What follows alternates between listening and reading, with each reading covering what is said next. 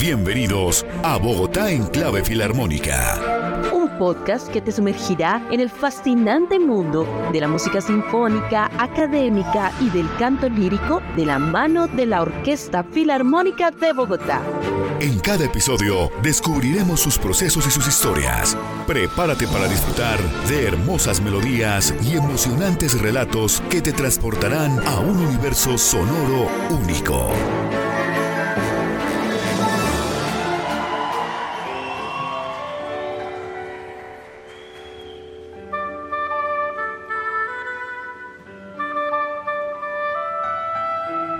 Hola, hola a todos, oyentes apasionados de la música filarmónica, de la música clásica.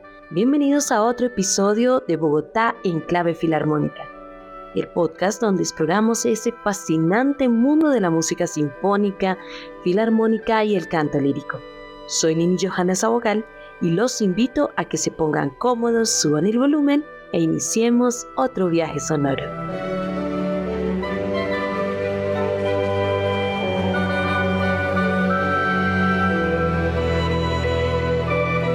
En nuestros episodios anteriores tuvimos un acercamiento maravilloso a lo que es la Orquesta Filarmónica de Bogotá. Y no podíamos hacerlo con nadie mejor que con su director, el maestro David García, quien nos contó mucho sobre su historia, los logros, ese legado de su padre. Habíamos podido extendernos 10 episodios más en esa conversación, pero en este punto hemos decidido hacer una pausa para traerles un especial pedagógico es decir, un espacio, un episodio pensado en aquellos que tal vez están encontrando por primera vez con los conceptos de orquesta sinfónica o de música filarmónica. Así que en este episodio de Bogotá en clave filarmónica vamos a aprender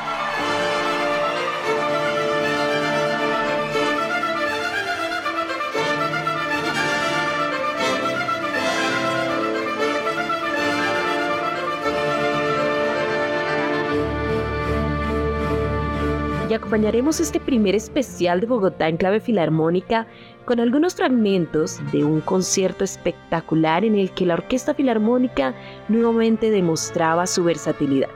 Kraken Filarmónico, un espacio en donde se reúne esta banda legendaria en un recorrido musical por sus temas más emblemáticos, por los más reconocidos, acompañados por más de 80 artistas, tanto de la Orquesta Filarmónica Juvenil como del Coro Filarmónico. Estuvieron bajo la dirección de Manuel López Gómez y hoy acompañarán musicalmente nuestro episodio especial en Bogotá en clave filarmónica.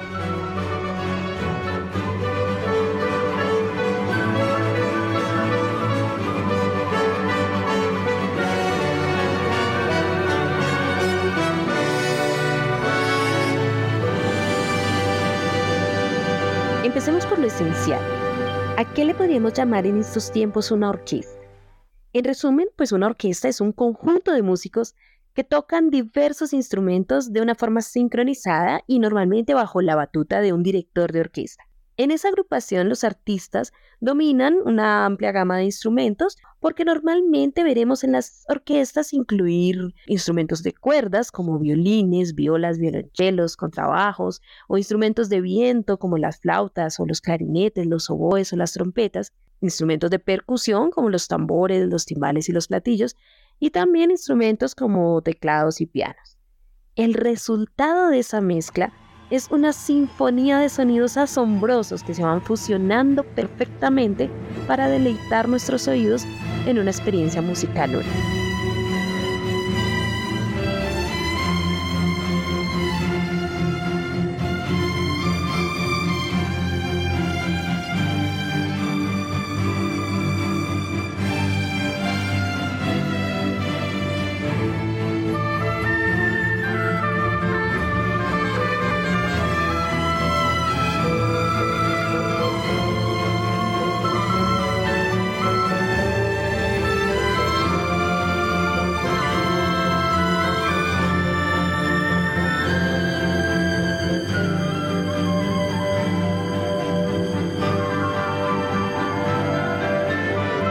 En cuanto a lo que es un conjunto musical, eso que llamamos orquesta es uno de los más grandes y versátiles y puede interpretar una amplia variedad de géneros musicales.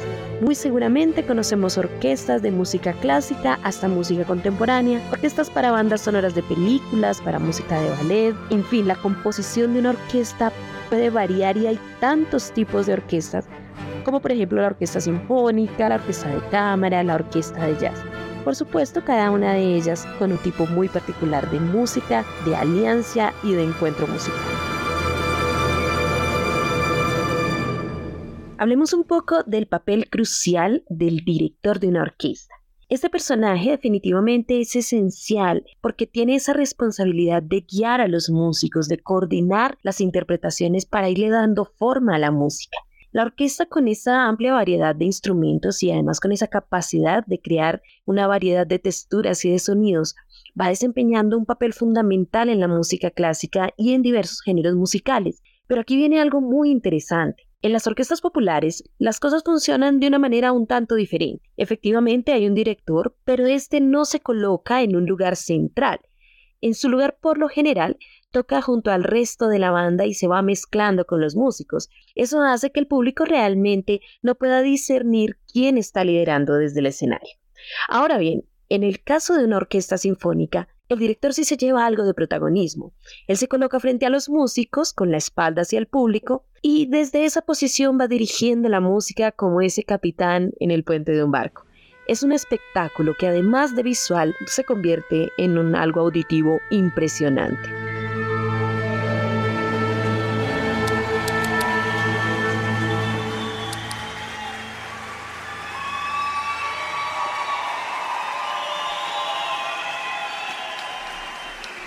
La verdadera magia ocurre cuando ese director interpreta la partitura con gestos, con movimientos de manos y con expresiones faciales. No solo marca el tempo, que es la velocidad de la música, sino que también va guiando a los músicos en momentos cruciales como cambios de ritmo o como transiciones suaves. Su conexión con la orquesta es vital para lograr una interpretación musical impecable. Es todo un arte en sí mismo.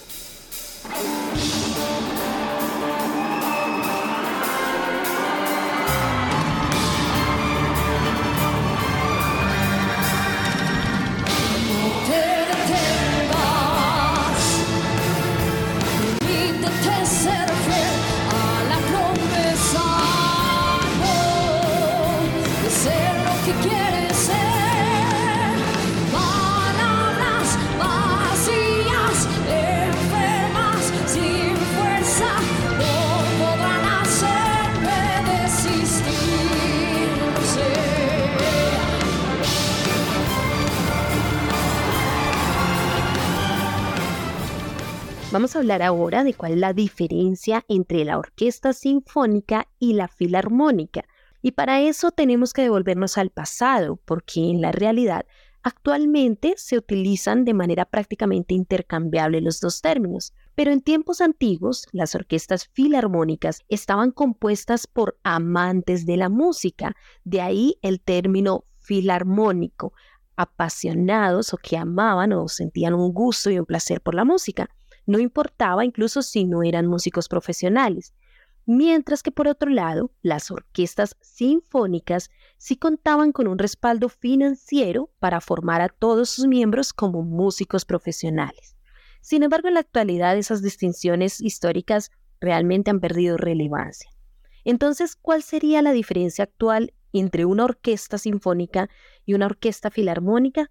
La respuesta sería que en términos prácticos no existe una gran diferencia. Ambos tipos de orquesta funcionan de una manera muy similar. Ambos cuentan con una gran cantidad de músicos que tocan una amplia variedad de instrumentos, desde violines, flautas, hasta los de percusión como platillos y timbales. Esa confusión en los términos pues se debe a que con el tiempo las orquestas filarmónicas y sinfónicas comenzaron a funcionar de manera parecida y los términos entonces se unificaron en la práctica. Actualmente ya no hay una distinción significativa entre ellas, por lo tanto cuando escuchen ustedes de orquesta filarmónica o de orquesta sinfónica, básicamente estarán escuchando de lo mismo.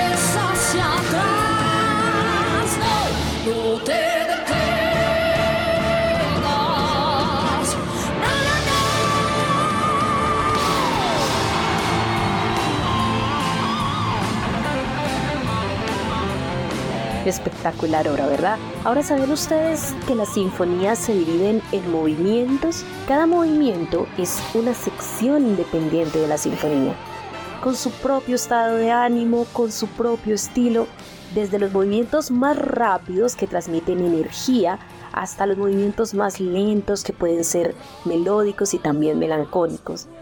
Cada uno agrega una dimensión única a esa obra completa. Un dato curioso es que la sinfonía más corta conocida es la sinfonía número 25 de Mozart, con solo 15 minutos de duración, mientras que la más larga es la sinfonía número 9 de Anton Bruckner, con una impresionante duración de más de una hora. La música sinfónica nos demuestra que la creatividad no tiene límites.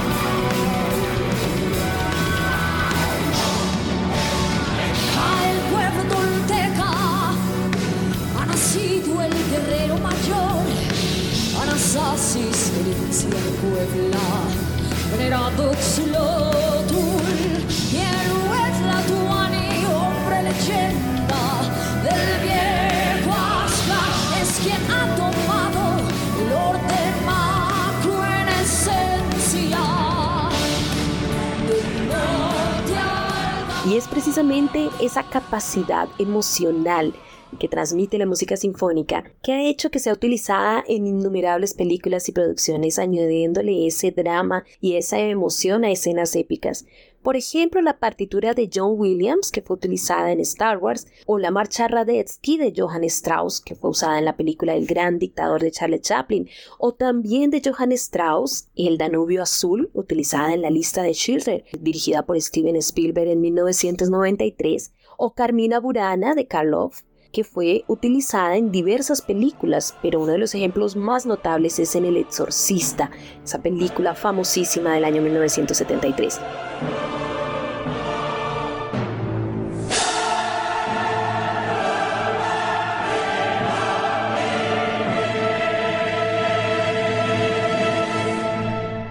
Estos son solamente algunos ejemplos de cómo la música sinfónica ha dejado su huella en la historia del cine.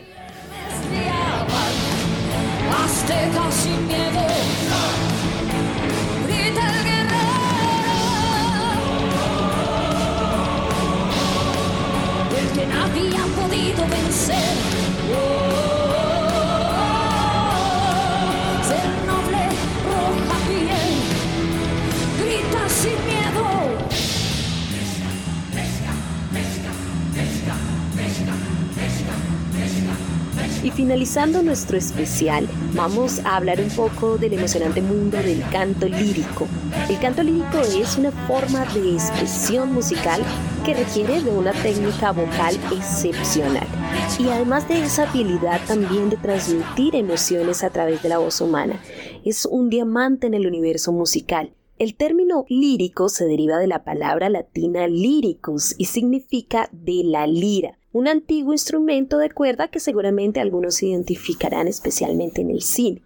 Esto destaca la relación íntima que existe entre el canto lírico y la música, ya que ambos buscan comunicar emociones de una manera poderosa y conmovedora, solo que el canto lírico haciendo uso del instrumento vocal. El canto lírico abarca una amplia gama de estilos y de emociones desde arias llenas de pasión hasta baladas melódicas que tocan los corazones de los oyentes. Los cantolíricos a menudo son conocidos como tenores, sopranos, mesosopranos o barítonos y se entrenan durante años para perfeccionar esa técnica vocal y esa expresión artística tan maravillosa.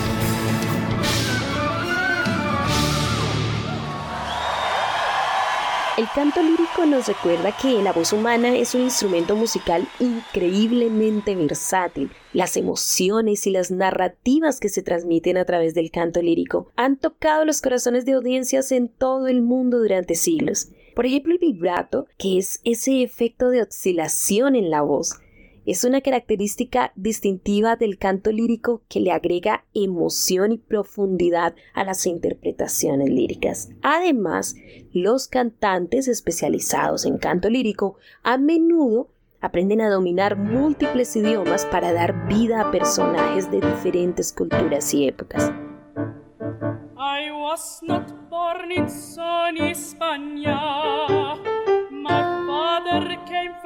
Rovno gubernia. And now I'm here, I'm dancing a tango. Die, di, die, di, die, di, die. I am easily assimilated. I am so easily assimilated. I never learned a human language. My father spoke a high middle Polish.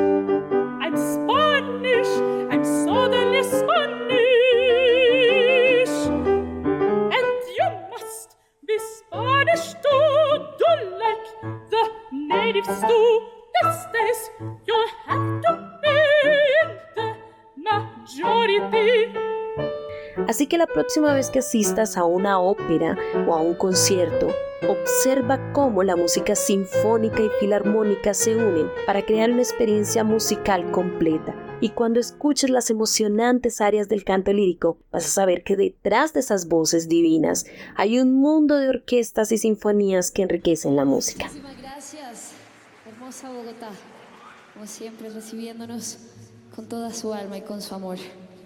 Queremos, por favor, que le den un fuerte aplauso a la Orquesta Filarmónica Juvenil que nos acompaña esta noche.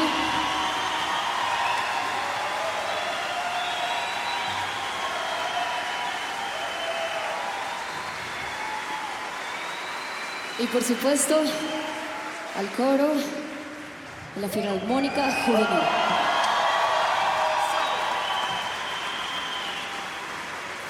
Y en su dirección el maestro Manuel López. Muchísimas gracias. Y por supuesto, no puede dejarse atrás a la, directora del coro, Joana Molano. Un fuerte aplauso para ella. Gracias por acompañarnos en este episodio especial de Bogotá en clave filarmónica. Si te ha encantado este viaje musical, no dudes en compartirlo con tus amigos y por supuesto conéctate a nuestro siguiente episodio. Un abrazo para todos, chao chao. Programa Distrital de Estímulos para la Cultura 2023. Alcaldía Mayor de Bogotá.